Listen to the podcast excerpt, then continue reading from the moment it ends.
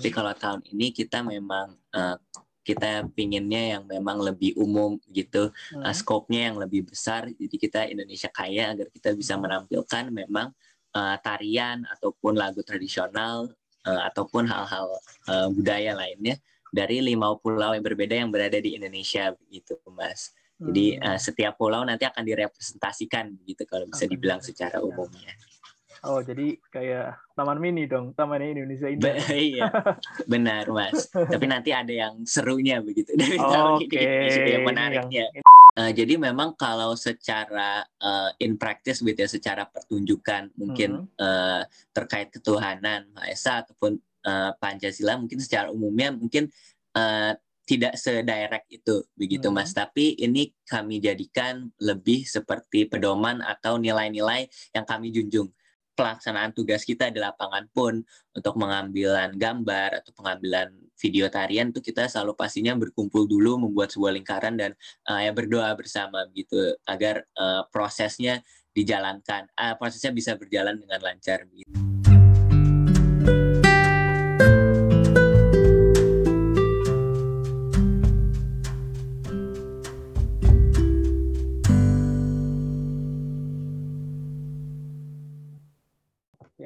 Assalamualaikum teman-teman pendengar podcast The Gromis.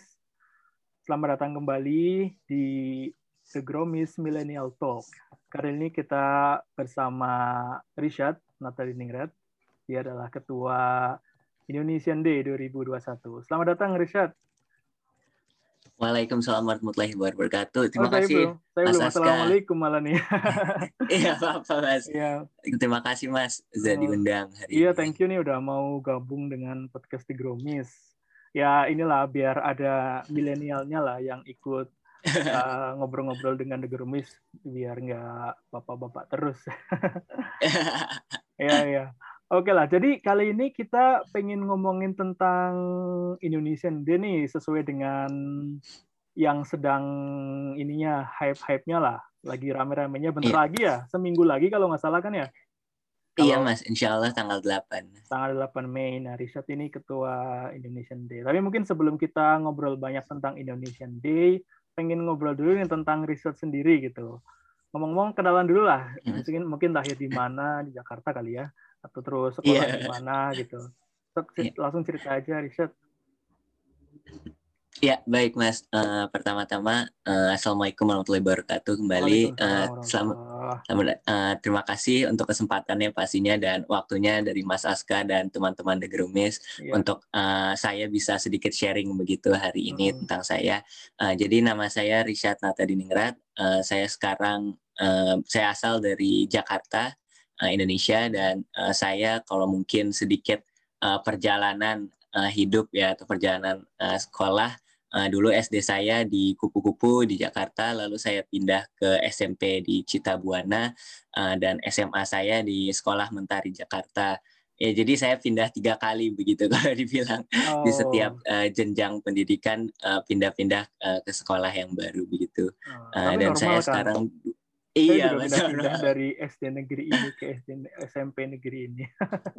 iya, pindah terus jadi begitu, hmm. Mas. Jadi ya uh, saya sekarang juga uh, umurnya 20 tahun dan uh, sekarang kuliah S1 di Groningen. Oke. Ngomong-ngomong kuliah S1 jurusan apa sekarang? Di Groningen? Uh, saya jurusan uh, Hukum Internasional dan Eropa, Mas, sekarang. Oh. Uh, di Groningen ini.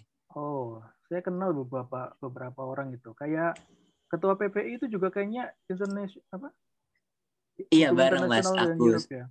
Satu iya angkatan. benar aku sama John sama benar sama ah, angkatan juga. Oke. Okay. Oke, tapi kita nggak akan ngomongin John, kita ngomongin Richard nih. Ngomong-ngomong ada pengalaman sekarang kan Richard itu aktif ya di organisasi. Kayaknya saya baca-baca kemarin Richard itu aktif juga di organisasi himpunan kayak semacam himpunan mahasiswa kalau kalau di Indonesia-nya lah yang iya, benar. hukum gitu. Apa sih namanya itu? Elsa uh, nam ya? Elsa, Mas. Iya, ah, iya benar. Itu kalau di, di Asia ya? namanya Elsa, Mas, begitu. Oh, Elsa iya. Europe. E-nya dari European itu ya? Iya, benar. Kayaknya. Ah, iya iya iya. Nah, aku juga. Nah, mungkin ada pengalaman dari kecil yang menginspirasi yang ngena banget gitu sehingga sekarang itu senang berorganisasi atau kenapa ngambil hukum terus apa mungkin ada pengalaman yang bikin jadi pengen jadi ketua Indonesian Day kayak gitu ceritain ya. uh, baik mas uh, kalau mungkin uh, kenapa aku mungkin yang ngambil hukum dulu ya karena hmm. memang uh, keluarga aku memang punya uh, background di hukum gitu mas jadi makanya uh, saya juga jadinya uh, pengen begitu untuk oh. menempuh uh, pelajaran hukum ini Papa begitu itu yang hukum uh, dari kakek oh, saya kakek. mas iya kakek saya dulu mengambil hukum juga dan jadinya saya uh, terinspirasi begitulah untuk ingin mengambil karir uh, dalam jalur tersebut begitu. Ah, okay. Dan kalau mungkin buat organisasinya, hmm. uh, dulu aku me saya memang uh, senang begitu ya berkecimpung di organisasi karena memang uh, itu kadang saya melihatnya menjadi kayak um, apa ya kalau bisa dibilang uh, secara umumnya mungkin menjadi uh, bisa side jobnya begitu ya atau stress reliever dari mungkin uh, kewajiban saya yang mungkin uh, dulu sekolah gitu misalnya. Jadi itu menjadi sebuah hal yang mungkin bisa uh, mengembangkan diri saya, makanya saya jadi senang begitu Mas berorganisasi. Hmm. Dan memang dulu juga uh, waktu uh, dari SMP juga uh, senang mengikuti beberapa uh, lomba seperti misalnya uh, tentang simulasi PBB begitu dan uh, dari PBB situ pun juga ya? saya menjadi PBB itu apa sih? Uh, uh, Perserikatan Bangsa-Bangsa, Mas. Oh. United Nations, iya. Uh, Jadinya kalau uh, orang kirain baris berbaris. Iya. Pas kibra gitu. Enggak ya? Enggak, ternyata. Jadi ya, ya, ya. ya gitu sih, Mas. Oh, Jadi inspired juga makannya. Oh, iya. Okay. makanya ngambil hukum ya. Iya, nah, iya, benar, Mas. Kalau kalau nggak salah kan tahun lalu itu riset sempat mencalonkan diri menjadi ketua PPIG ya. Cuman ya Kodarullah yeah. yang apa terpilih itu si John gitu. Nah, terus iya. sekarang yeah. menjadi ketua Indonesian Day. Terus apa sih motivasinya gitu yang membuat mau jadi ketua Indonesian Day gitu? Mungkin terinspirasi juga kalau dulu masih ingin berkontribusi nih di PPIG tapi belum dapat jadinya yeah. jadi ketua Indonesian Day aja gitu. Mungkin ya, coba ceritain Chef. Iya mas, uh, jadi uh, alhamdulillah memang ya tadi mungkin Mas Aska juga bilang memang kodarullah udah jalannya begitu ya memang hmm. uh, dan saya juga waktu itu uh, menerima dengan lapang dada dan dengan ikhlas pastinya karena dengan uh, fair competition juga waktu yeah, itu yeah. Uh, dan alhamdulillah juga waktu itu juga di approach oleh teman-teman uh, dari PPI Groningen begitu untuk uh, mengajak saya untuk uh, bisa berkontribusi juga tetap berkontribusi untuk teman-teman di Groningen tapi mungkin uh, tidak melewati jalur PPIG begitu mungkin hmm. uh, kali ini lewat uh, jalur Indonesian Day walaupun uh, memang kan Indonesian Day tetap berada di bawah PPI Groningen oh, yeah. gitu mas yeah. jadi memang uh, kita tetap bekerja sama lah gitu hmm. uh, dan kalau memang motivasinya sih pasti uh, memang dari awal kan juga memang saya ingin pastinya uh, berkontribusi begitu ya pastinya uh, untuk Indonesia tapi mungkin uh, secara spesifik masyarakat uh, teman-teman Indonesia yang berada di Groningen gitu. Dan alhamdulillah mendapat kesempatannya uh, melewati jalur uh, kultural gitu ya atau seni budaya begitu.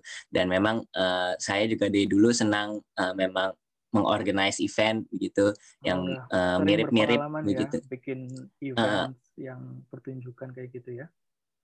Ya alhamdulillah dulu uh, pernah mendapatkan uh, beberapa kesempatan gitu dan pengalaman. Dan jadi ya tahun ini uh, senang juga gitu excited untuk uh, karena kan kita sekarang konteksnya bukan di Indonesia begitu ya hmm. jadi aku pengen uh, saya juga pengen tahu begitu kalau memang kita buat event gimana sih rasanya kalau mungkin di Groningen begitu atau ya. di konteks internasional jadi ya itu sih motivasinya mas sebenarnya oh, berarti baru pertama kali juga ya jadi apa menyelenggarakan events yang di nggak di Indonesia gitu ya Iya benar mas. Oh. Jadi pengen merasakan lah. ya, ya, ya. Asik lah. Oke, mungkin kita bisa langsung ngomongin tentang Indonesian Day itu sendiri ya. Nah, sebelum yeah. ini nih, sebelum ngomongin tentang Indonesian Day yang tahun 2021, pengen mendalami lebih dalam nih tentang Indonesian Day secara umum itu sendiri gitu. Kalau di Groningen itu udah ada dari kapan sih? Kalau sejarahnya tuh seperti apa sih? Kenapa harus ngadain gitu Indonesian Day sebagai perhimpunan mahasiswa Indonesia gitu? Iya, Uh, jadi memang kalau kilas balik memang uh, kalau saya lihat uh, dari mungkin uh, Facebooknya ataupun Instagram yang sudah dibuat atau dari LPG LPG sebelumnya yang bisa saya temukan itu baru dari tahun 2014 mas. Tapi mungkin oh, memang ada ya. beberapa ya? iya jadi cukup baru deh. Mungkin apakah memang ada sejarah di balik itu mungkin tapi saya belum pernah belum bisa menemukannya begitu. Tapi oh, kalau mungkin ada iya. nanti bisa diupdate. Tapi memang kalau dari sosial medianya yang memang uh, ada itu dimulai di tahun 2014 begitu, oh. Mas. Tapi itu mungkin gara-gara sosial media kan baru ada tahun Benar. 2015. Benar. Tahun sebelumnya mungkin ada ya, cuma pengen tahu iya, aja mungkin penasaran. Ada. Saya belum belum iya. tahu nih, belum menang ekspor lagi atau gimana? Belum belum belum bisa diekspor aku saya juga udah nanya ke beberapa orang dan hmm. belum ter semuanya juga tahu udah dari kapan begitu mas oh, tapi mungkin gitu. iya mungkin namanya beda bisa saja bisa oh, di iya, tahun-tahun iya, iya. sebelumnya iya dan oh, uh, yang iya. Ya, yang mungkin yang kedua itu Mas, kalau memang uh, kenapa Indonesian Day ada, mungkin itu sebagai salah satu uh, platform sih mungkin dari teman-teman PPIG begitu untuk mendukung hmm. juga uh, program dari KBRI kan ya uh, tentang diplomasi budaya Indonesia di konteks oh. internasional begitu. Jadi ya. mungkin menurut saya itu salah satu mungkin motivasi kenapa ide bisa terbentuk begitu. Okay. Mensupport uh, KBRI ya. Okay. Iya. Ngomong-ngomong kalau sebenarnya yang menjadi target dari Indonesian Day itu siapa sih? Apakah orang Indonesia yang ada di luar negeri atau apakah memang orang luar negeri seharusnya nanya nonton gitu? Uh, ya, uh, kalau uh, memang uh, tergantung dari uh, setiap tahunnya begitu ya, Mas. Hmm. Mungkin uh, setiap ketua ataupun setiap pengurus hmm. uh, dari setiap Indonesian Day mempunyai target-target uh, yang berbeda begitu. Hmm. Tapi kalau uh, memang ditarik secara garis besar dan memang kalau Indonesian Day tahun ini kita pastinya target audiensnya uh, menginginkan uh, juga teman-teman Indonesia yang berada di Groningen ataupun di Belanda uh, dan pastinya juga teman-teman internasional begitu mas. Karena kan uh, karena kita juga tujuan dari Indonesian Day kan uh, bagaimana kita bisa meningkatkan uh, kesadaran teman-teman sekalian tentang uh, kekayaan dan diversitas dari uh, keanekaragaman dari budaya Indonesia begitu. Jadi uh, pasti kita sangat senang jika memang ada teman-teman internasional gitu di komunitas internasional yang uh, ingin mengetahui lebih gitu atau belajar lebih tentang uh, kultur Indonesia dan uh, tahun ini juga alhamdulillah kita mendapatkan kesempatan untuk bekerja sama dengan uh, beberapa organisasi begitu mas komunitas internasional uh, untuk uh, memperluas gitulah kalau bisa dibilang uh, target market dari Indonesian Day begitu. Oh, sebentar maksudnya apa di nanti berarti ekspektasinya akan ditonton oleh orang-orang yang di luar negeri ya melalui jaringan yang tadi saya sebutkan tadi ya. Iya benar insya Allah. Okay. Tapi saya penasaran Indonesian Day itu sebenarnya cuma ada di PPI Groningen doang atau di PPI di luar negeri juga ada juga atau enggak nggak sih? Nah, kalau itu mungkin uh, namanya yang mungkin berbeda Mas gitu. Mungkin kalau di PPI PPI lain gitu. Kalau mungkin ada contohnya misalnya Indonesia. yang pernah di explore gitu kan mungkin ada studi banding nanti atau apa sebelum ada yeah. event ini gitu. Iya, kalau mungkin di kota PPI lain, kalau di Belanda, kalau aku saya bisa ambil contoh aja, uh, misalnya di Rotterdam itu ada Hatta Arts, mas namanya. Oh. Dan kalau iya, kalau di kota Delft itu ada Indelfnesia begitu. Jadi hampir sama, i, oh. beda nama. Iya hmm, benar. Sama tapi beda nama ya. Jadi beda inti, nama iya. Inti acaranya isinya kira-kira mirip-mirip gitu ya. Benar, mas benar. Tapi yang ada nggak sih yang membedakan antara Indonesian Day yang ada di Groningen dengan Indonesian Day yang ada di kota-kota lain gitu, atau di negara lain bahkan yang yeah. menjadi khasnya gitu? Uh, menurut saya kalau mungkin salah satu potensi uh, terbesar Groningen itu memang kan uh, banyaknya uh, mahasiswa pasti ya diaspora yang berada di orang Indonesia yang berada di kota Groningen begitu mas hmm. dan itu uh, menjadi salah satu ciri khas mengapa mungkin Indonesian Day kalau bisa bilang yang di Groningen ini mempunyai tarian-tarian ataupun uh, makanan ataupun uh, lagu tradisional dan lain-lain yang hanya bisa dimainkan di Groningen begitu karena kita hmm. mempunyai mungkin uh, beberapa teman-teman uh, Indonesia di Groningen yang mungkin bisa mengajarkan tarian-tarian unik begitu yang mungkin tari-tarian kota lain yang tidak bisa mereka pelajari begitu. Oh jadi kalau kota lain apa bakal bakal beda bentuk-bentuk tariannya. Mungkin kalau tarian ya. Iya. Uh, terga uh, atau lagu juga bisa mas kadang-kadang mungkin mereka band atau vokal grup hmm. begitu hmm. nah kita juga mungkin ada band uh, tapi kita mungkin bedanya biasanya di tariannya begitu kayak uh, kita mungkin tahun ini aku kasih sedikit sneak peek aja boleh oh iya nih jangan beberapa nih. tariannya beberapa tariannya uh, insya Allah kita ada uh, tarian misalnya seperti bajidor kahot kita oh, itu tari piring kan? iya benar mas itu juga kita punya tari latih hmm. gitu yang uh, modern kontemporer uh, dan uh, yang menurut saya mungkin di kota-kota lain belum pernah explore gitu ya hmm. uh, tarian latih ini hmm. tapi alhamdulillah kita mungkin Indonesian Day tahun 2021 ini bisa menyuguhkan uh, tarian yang unik begitu tahun ini. Oh, mungkin karena banyaknya student kita ya di Groningen, jadi semakin banyak pilihan dan makin banyak orang yang punya potensi talenta-talenta hebat buat melatih gitu ya untuk ditampilkan. Iya okay. benar sekali. Itu yang yang yang yang lebihnya dari Groningen ya Indonesian Day. Iya. Oke, okay. kayaknya kita mau nyoba ekspor yang Indonesian Day yang tahun ini nih, yang tahun 2021. Ngomong-ngomong, uh, temanya apa sih gitu? Ya tentu saja temanya yang boleh dieksplor lah, jangan spoiler isinya apa gitu. Coba ceritain yeah. Uh, kalau kita tahun ini uh, memilih temanya uh, Indonesia Kaya, begitu Mas. Indonesia Jadi uh, karena tahun-tahun sebelumnya kita berkaca di tahun-tahun sebelumnya itu uh, kan memang selalu dipilih dengan tema yang lebih spesifik per pulau begitu. Dan memang uh, setiap tahun Indonesian Day sebelum-sebelumnya mempunyai keunikan sendiri begitu yang sudah ditampilkan dari pulau-pulau masing-masing. Oh, uh, tapi tahun ini setiap tahun iya. itu beda-beda pulau ya. Oh, saya belum tahu lah. Oke. Okay. Iya, ya, kadang suka begitu. Nggak apa-apa mas kadang suka begitu emang hmm. uh, pulau-pulau berbeda gitu tapi kalau tahun ini kita memang uh, kita pinginnya yang memang lebih umum gitu hmm. uh, scope-nya yang lebih besar. Jadi kita Indonesia kaya agar kita bisa menampilkan memang uh, tarian ataupun lagu tradisional uh, ataupun hal-hal uh, budaya lainnya dari lima pulau yang berbeda yang berada di Indonesia begitu mas. Jadi uh, setiap pulau nanti akan direpresentasikan begitu kalau bisa dibilang secara umumnya. Oh, jadi kayak taman mini dong, taman Indonesia ini. Be iya, benar mas. Tapi nanti ada yang serunya begitu dari oh, taman okay. ini, yang menariknya ini yang, ini yang dari model taman ya. ini. iya benar. Oke, okay.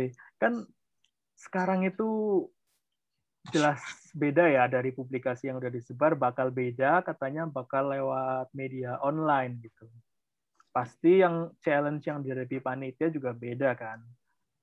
Nah, hmm. mungkin kalau boleh cerita ada nggak apa challenge yang nggak kebayang sebelumnya gitu, terus tiba-tiba muncul gitu gara-gara ya gara-gara formatnya itu online gitu, bukan format yang biasa.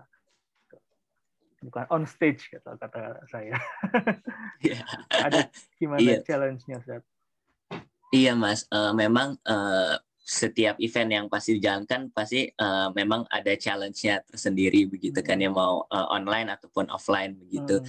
Uh, tapi mungkin khusus uh, tahunnya tahun ini karena memang online uh, kita mengalami suatu kendala pernah begitu ya hmm. kendala teknis begitu uh, dalam uh, proses uh, pengambilan Indonesian Day 2021 ini dalam proses pembuatan lah kalau bisa oh, dibilang dari Indonesian Day. Indonesian Day 2021 ini. Dan uh, memang uh, secara spesifik mungkin saya nggak bisa ngasih terlalu detail mungkin hmm. uh, masalahnya apa. Tapi uh, secara umum uh, masalahnya itu memang uh, lebih kepada kendala teknis uh, di bidang uh, teknologi gitu mas. Karena kan oh. memang online jadi kita memang mengandalkan sekali dengan teknologi iya, gitu. betul betul. Jadi memang ya, Kamera, ya karena ada benar. mikrofon benar. sebagainya ya benar jadi memang di aspek itulah uh, kita memiliki kendala yang mulai kadang kan memang uh, bagaimana kita harus menyewa begitu kan ya, hmm. ya juga uh, dari alat-alat tersebut dan uh, kita juga mengalami pernah kendala uh, pengoperasian dari alat-alat tersebut gitu yang memang uh, membuat uh, kita lumayan timelinenya jadi lumayan uh, mundur begitu mas hmm. dari ekspektasi awal. Oke okay, oke. Okay. Kalau isinya sendiri itu mencakup semua provinsi nih 33 eh berapa sih provinsi 33 ya 33 provinsi. Iya, Uh, kalau isinya enggak dari 33 provinsi secara uh, spesifik, tapi hmm. lebih dilihat ke pulaunya aja, Mas, begitu. Ah, Jadi nanti akan ada Jawa, Sumatera, Kalimantan, Sulawesi, dan Papua, begitu. Oke, okay. oke. Okay. Nah, kalau tentang ini nih, financial dan sumber daya manusia nih, ada kendala nggak selama ini?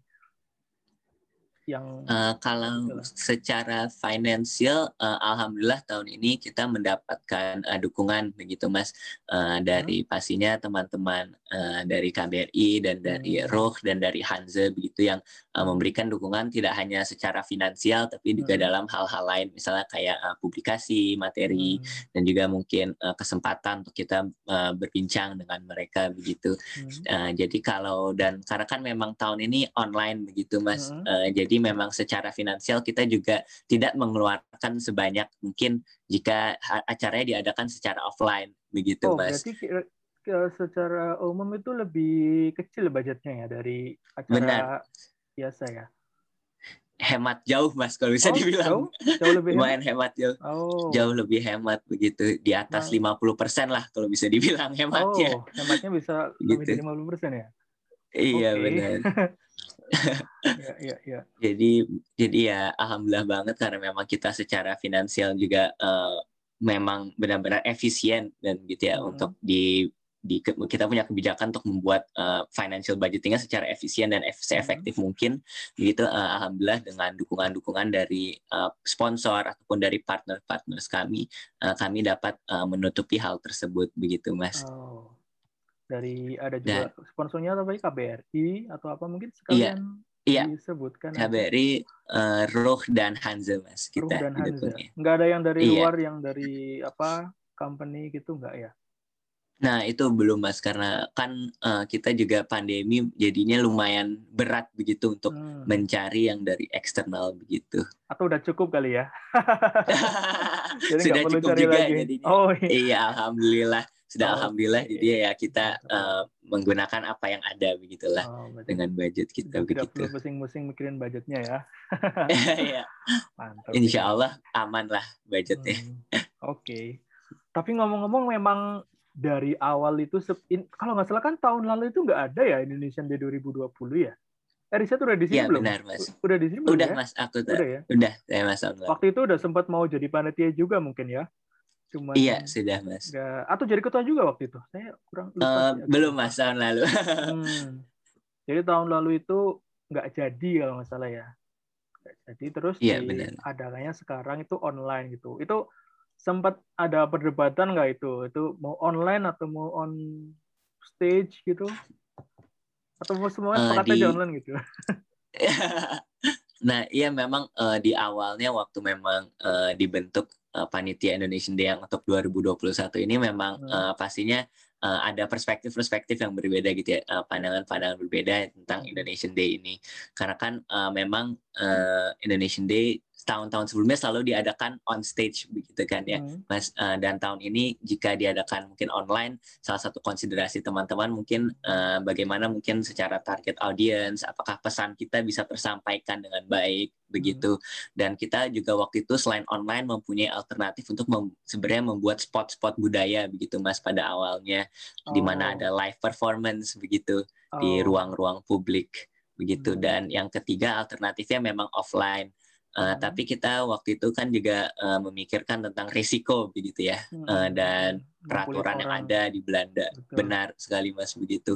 Dan kita waktu itu pada akhirnya mengambil konklusi memang untuk uh, yang tepat secara kalkulasi untuk risiko dan juga benefitnya adalah melalui medium online karena kita juga belajar dari event-event lain mungkin yang diadakan di Indonesia atau di belahan dunia lainnya uh, ada banyak lumayan konser online begitu mas uh, dan yang oh, sukses yang, begitu yang bisa dijadikan benchmark itu ya kira-kira ya? benar sekali mas okay, begitu dan okay. jadi kita kalau mereka bisa Insya Allah kita juga bisa semestinya begitu jika kita percaya bahwa Indonesian Day Insya Allah bisa sukses begitu. Oke, okay.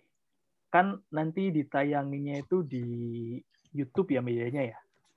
Iya gitu. benar mas. Nah YouTube itu kan ada ukuran viewernya. Ngomong-ngomong ada ya. berapa target viewernya berapa sih dari panitia? kalau uh, dari panitia kita waktu itu membuat uh, beberapa skenario dan beberapa rasio begitu mas untuk uh, jumlahnya. Kalau orang Indonesianya yang uh, di Groningen uh, itu kita target marketnya uh, kalau bisa Allah 100, 100. begitu mas. Okay. 100. Uh, dan kalau orang internasionalnya kita mematuknya uh, setengahnya dari orang Indonesia tersebut jadi 50. 50 ya. Itu yang nonton yeah. live ya atau yang nonton, nonton sampai ber, bertahun kan YouTube kan mungkin bakal tayang terus iya. kan. Iya, yang ini live yang ya. Live, itu yang live. Iya. Yang nggak live mah nanti ini. belakangan ya mudah-mudahan bisa lebih iya, banyak lagi ya. Benar. Karena dan yang terakhir iya uh-huh. benar mas dan parameter terakhir yang ketiga itu kita mengandalkan uh, orang Indonesia yang tinggal di Belanda begitu mas uh-huh. uh, kita di Belanda ini kan mempunyai uh, eh, 15 kota ya 15 kota uh, yang ada di Belanda kota PPI uh-huh. kota yang mempunyai uh, basis orang Indonesia-nya uh-huh. uh, dengan kalkulasi setiap kota insya Allah bisa mengirimkan uh, minimal gitu ya 10 orang uh, dikali 15 kota itu 150 jadi hmm. kalau di total dengan yang tadi uh, insya Allah di angka 300 uh, bisa tercapai begitu Dua kita yang live ya Oke. Okay. Iya dari yang live 300 sampai ya. 500. Amin, saya amin. Allah, saya insya Allah nonton insya Allah. nanti ajak pendengar Baik, podcast di pendengar di, Iya, harus nonton bareng. Oke. Okay. Kalau harapannya apa nih yang habis nonton itu penontonnya jadi seperti apa nih? Ekspektasinya gitu, maksudnya jadi lebih wow gitu. Uh, ekspektasinya karena memang kan uh, Indonesian Day tahun ini mungkin formatnya lumayan berbeda gitu. Uh, hmm. Kalau mungkin aku bisa saya bisa bilang karena uh, dengan ada beberapa tambahan yang kita tambahkan dan mungkin nanti bisa dilihat langsung ya di hari hanya yeah, mungkin yeah. tambahan twist apa keunikannya itu tapi dari uh, acara Indonesian Day secara keseluruhannya yang harapan kita adalah dengan kita bisa uh, mempertunjukkan uh, tarian ataupun lagu tradisional ataupun hal-hal uh, kultural lainnya dari lima pulau berbeda yang berada di Indonesia, hmm. uh, teman-teman mungkin pastinya uh, teman-teman tidak hanya Indonesia dan juga komunitas internasional uh, dapat mengetahui lebih begitu mas tentang uh, budaya Indonesia itu sebenarnya kaya gitu makanya kita hmm. dengan tema Indonesian kaya ini kita ingin memperlihatkan bahwa Indonesia ini sebenarnya uh, yang kaya itu mungkin tidak hanya uh, keanekaragaman hayatinya atau uh, diversity dari uh, apa ya maksudnya kalau bisa bilang environmentnya tapi dari uh-huh. secara kultur kita kaya sekali begitu kita suku uh-huh. agama ras dan adat yang berada di Indonesia itu sangat banyak uh-huh. begitu dan ini yang ingin uh, pastinya kami dari panitia Indonesian Day perlihatkan gitu kepada teman-teman sekalian bahwa Indonesia ini memang kaya dan mempunyai potensi yang sangat banyak begitu untuk dieksplor lebih lanjut sebenarnya. Oke, terus jadi bangga ya sebagai bangga Iya, benar sekali. Oke meningkatin nasionalisme kira-kira gitu ya. Benar mas. Kalau cinta kalau Indonesia lah. Kalau berapa panitianya itu yang terlibat sampai sejauh ini? Uh, sejauh ini alham, uh, alhamdulillah kita mendapatkan 50 uh, uh, total kalau secara keseluruhan tuh 60 mas panitia kita itu termasuk iya. performer juga ya yang perform nari? Uh, narinya. Uh, iya, beberapa memang double role begitu. Ada yang jadinya. perform juga, tapi ada juga yang perform doang Benar. dan nggak jadi panitia gitu ya. Wah itu nggak dihitung Benar, yang 100 mas. target tadi tadi dong? Nggak itu nggak, nggak dihitung yang target viewer dong? Enggak, itu nggak bisa. bisa Kalau ya. digabung bisa lebih banyak, insya Allah. Oke. Okay. Nah, sekarang kayaknya udah cukup banyak kita ngomongin tentang Indonesian Day ya. Kan yeah. tadi kan kalau dari yang riset omongin itu isinya Indonesian Day itu kayak ada performance, tarian, lagu dan sebagainya gitu. Iya. Yeah. Nah, kan mungkin Indonesia itu nggak cuma tentang seni budaya aja kan ya. Iya. Tentang yeah. aja ada juga nilai-nilai tentang ya katakanlah Pancasila lah katakanlah. Yeah. Itu kan nilai-nilai keindonesiaan juga kan. Nah, ini terkait dengan karena podcast ini podcast The Gromis ya, karena ini kan komunitas iya, Muslim yes. ya. Jadi pengen yes. Iya, ini nih uh, nanyain tentang kan Indonesia itu sila pertama itu ketuhanan yang maha esa. Nah, yeah.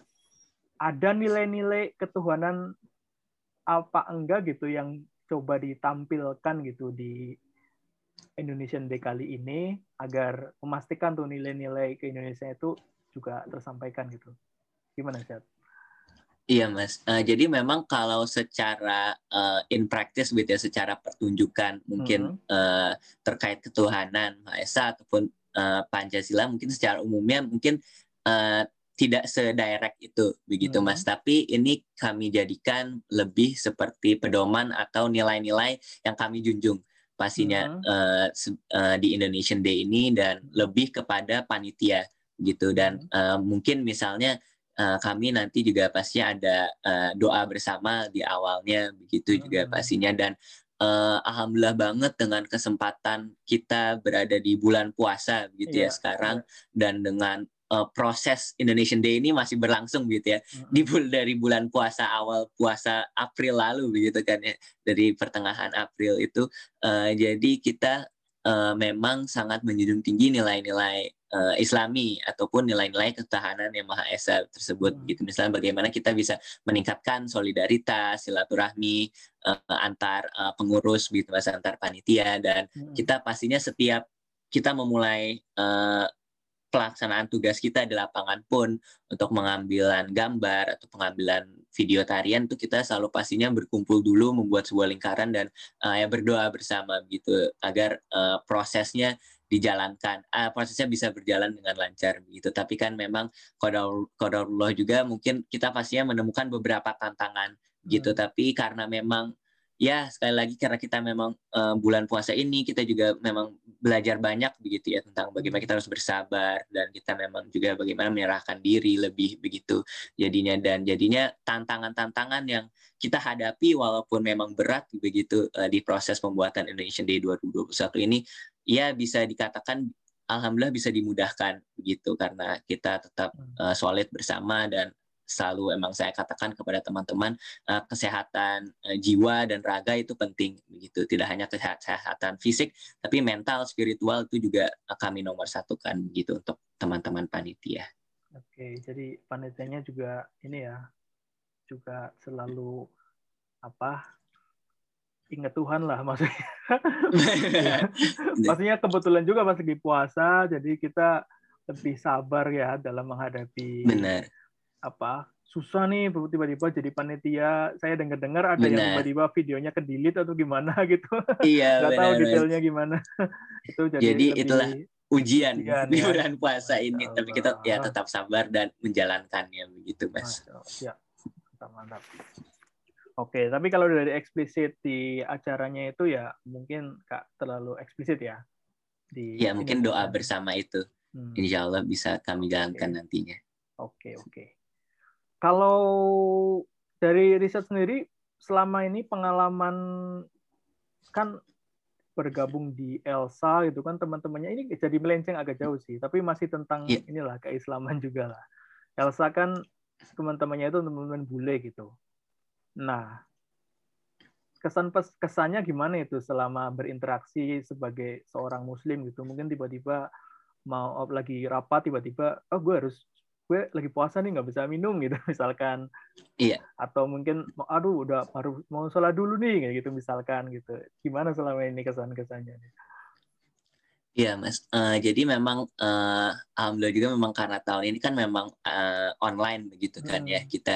Jadi memang uh, secara karena aku juga waktu itu di Indonesia dan sekarang berada di Groningen pun hmm. uh, waktu-waktu rapat kita dan rapat kita juga online. Jadi untuk saya mengatur misalnya waktu sholat hmm. ataupun hal-hal uh, keagamaan lainnya bisa uh, termanage lah dengan baik begitu dan uh, tidak mengganggu uh, secara uh, direct begitu mungkin hmm. terhadap rapat rapat-rapat. Tapi memang kalau memang uh, ada benturan mungkin waktu atau mungkin sekarang kan uh, puasa dan mungkin kadang suka ingin berkumpul begitu ya uh, mereka uh, jadi saya selalu bilang mungkin uh, kalau bisa kumpul saya ikutnya mungkin agak nantian begitu hmm. setelah berbuka dulu di rumah hmm. uh, sholat dan lain-lain dan uh, baru bergabung dengan mereka dan begitu mereka dan mungkin oke okay ya, aja ya orang orang Belanda biasanya ya iya uh, alhamdulillah juga karena kan memang Elsa ini uh, dari latar belakang yang berbeda-beda begitu Mas. Jadi memang uh, toleransi sangat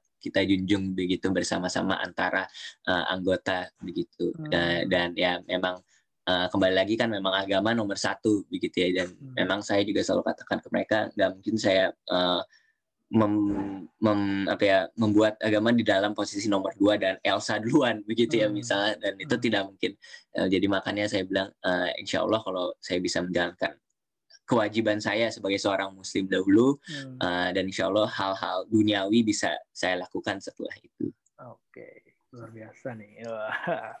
Kayaknya tentang Indonesian Day dan udah udah cukup nih. Sekarang mau lebih mengulik tentang Richard nih. Ngomong-ngomong ya, planning sekarang udah tahun keberapa sih sekolah apa uh, uh, uh, studinya? Tahun kedua aku mas. Tahun kedua itu berapa tahun programnya? Empat tahun? Uh, tiga tahun. Oh tiga tahun. LLB ya? LLB iya. LLB. Rencana gimana itu nanti setelah lulus ngomong-ngomong? Uh, ya kalau setelah lulus, insya Allah uh, pengennya sih bekerja dulu, begitu mas, uh, hmm. mencari pekerjaan Uh, karena kan memang di Eropa. Uh, uh, insya Allah kalau bisa di Eropa di Eropa karena uh. kan memang uh, gelar LB itu kan memang kalau di Indonesia kan ada gelar sarjana hukum yang berbeda hmm. begitu hmm. mas dan uh, membutuhkan spesialisasi khusus juga untuk yeah. uh, bisa bekerja di Indonesia.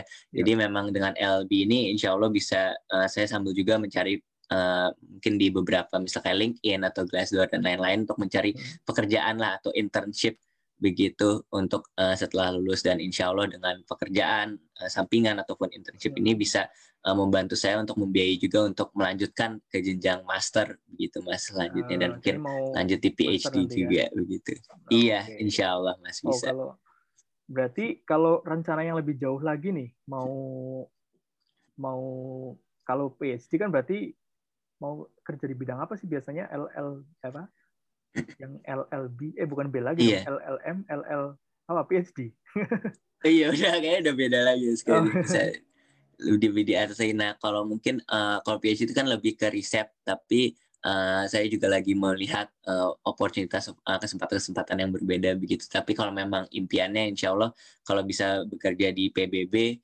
uh, dan ada jalannya begitu oh. mudah-mudahan bisa ke arah situ begitu oh, mas kerjanya atau di organisasi internasional lainnya begitu sih. Oh, di organisasi internasional ya? Iya. Ada rencana balik Indonesia nggak ngomong-ngomong? Uh, ada mas, pastinya. Uh, insya Allah nanti kalau sudah, uh, karena kan memang uh, organisasi-organisasinya kan juga memang ada beberapa yang di Indonesia begitu, misalnya kayak ASEAN begitu. Dan mungkin nanti setelah mungkin bisa mengeksplor mungkin yang di Eropa ataupun di benua lainnya, mungkin pastinya memang balik juga ke keluarga begitu kan ya ada keluarga di rumah di. Indonesia dan pastinya balik ke Indonesia dan mungkin kalau bisa bekerja di Indonesia pastinya sangat senang gitu bisa lebih dekat dengan keluarga dan mungkin hmm. kalau ada kesempatan pun uh, di masa depan nanti untuk mungkin bisa sekolah lagi untuk menempuh sarjana hukum dan bisa bekerja di Indonesia insya Allah uh, bisa lah kalau ada jalannya. Bisnis Kenapa mungkin, mas? Bisnis mungkin di Indonesia. Bisnis Iya, mungkin bisnis juga uh, bisa uh, karena memang juga aku uh, saya sedikit ada interest mungkin di bisnis. Hmm. Mungkin uh, masih mencari sih mungkin teman-temannya mungkin yang bisa mungkin bisa kembangin bisnis bersama begitu, Mas. Oh, kalinya. ada kemungkinan juga ke situ ya? Iya. Nah, tapi, uh, untuk... tapi melihat ke depannya lah. Uh, tapi untuk untuk impian yang itu yang mungkin 10 15 tahun ke depan itu yang kerja di organisasi internasional tadi ya. Iya, benar Mas. Amin. Oke. Okay. Nah, ini kayaknya yang pertanyaan terakhir nih. Kalau kan yeah. riset itu sekarang ini ya sekolah di luar negeri gitu terus sekarang yeah. jadi ketua Indonesian Day dan ini kan sebenarnya podcast ini judulnya The Gromis Millennial Talk. Jadi ngomongin tentang milenial nih ceritanya. Iya. Yeah. Ada ini nggak sih harapan atau pesan untuk para milenial, khususnya milenial orang Indonesia gitu? Ya.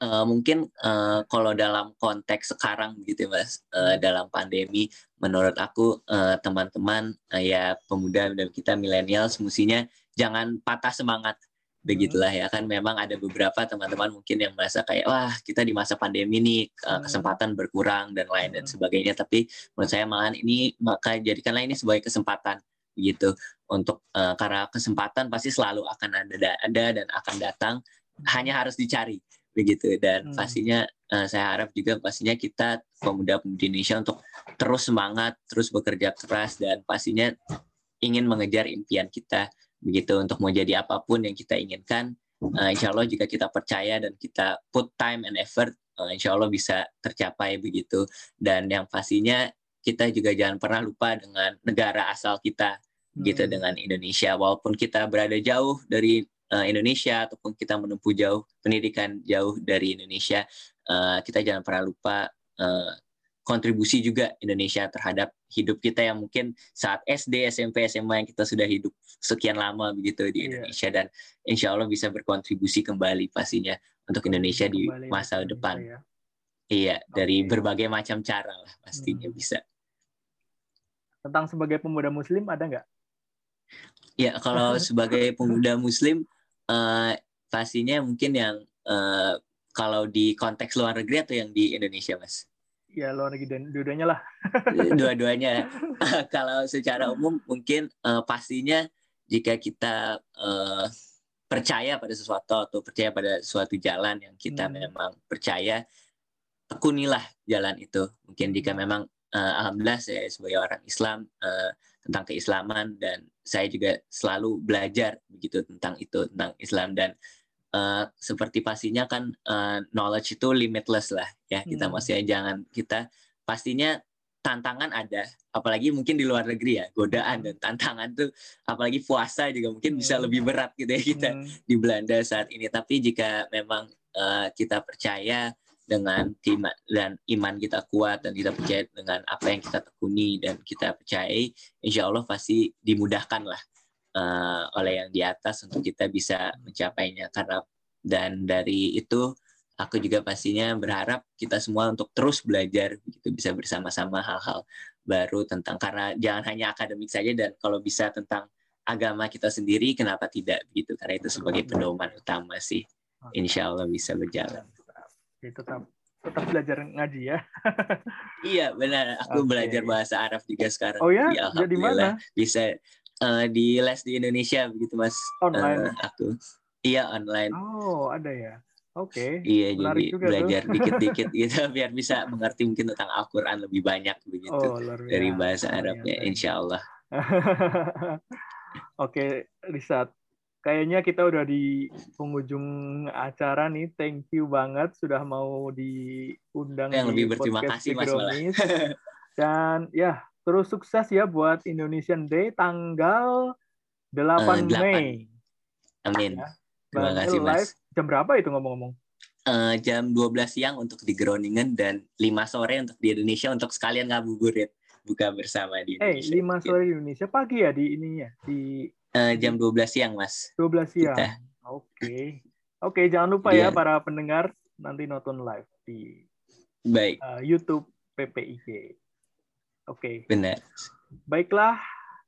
Uh, kalau gitu terima kasih telah mendengarkan. Itulah tadi Rishad, Ketua Indonesian Day 2021. Sampai ketemu lagi di podcast The Gromis selanjutnya. Bye-bye. Assalamualaikum warahmatullahi wabarakatuh. Waalaikumsalam warahmatullahi wabarakatuh.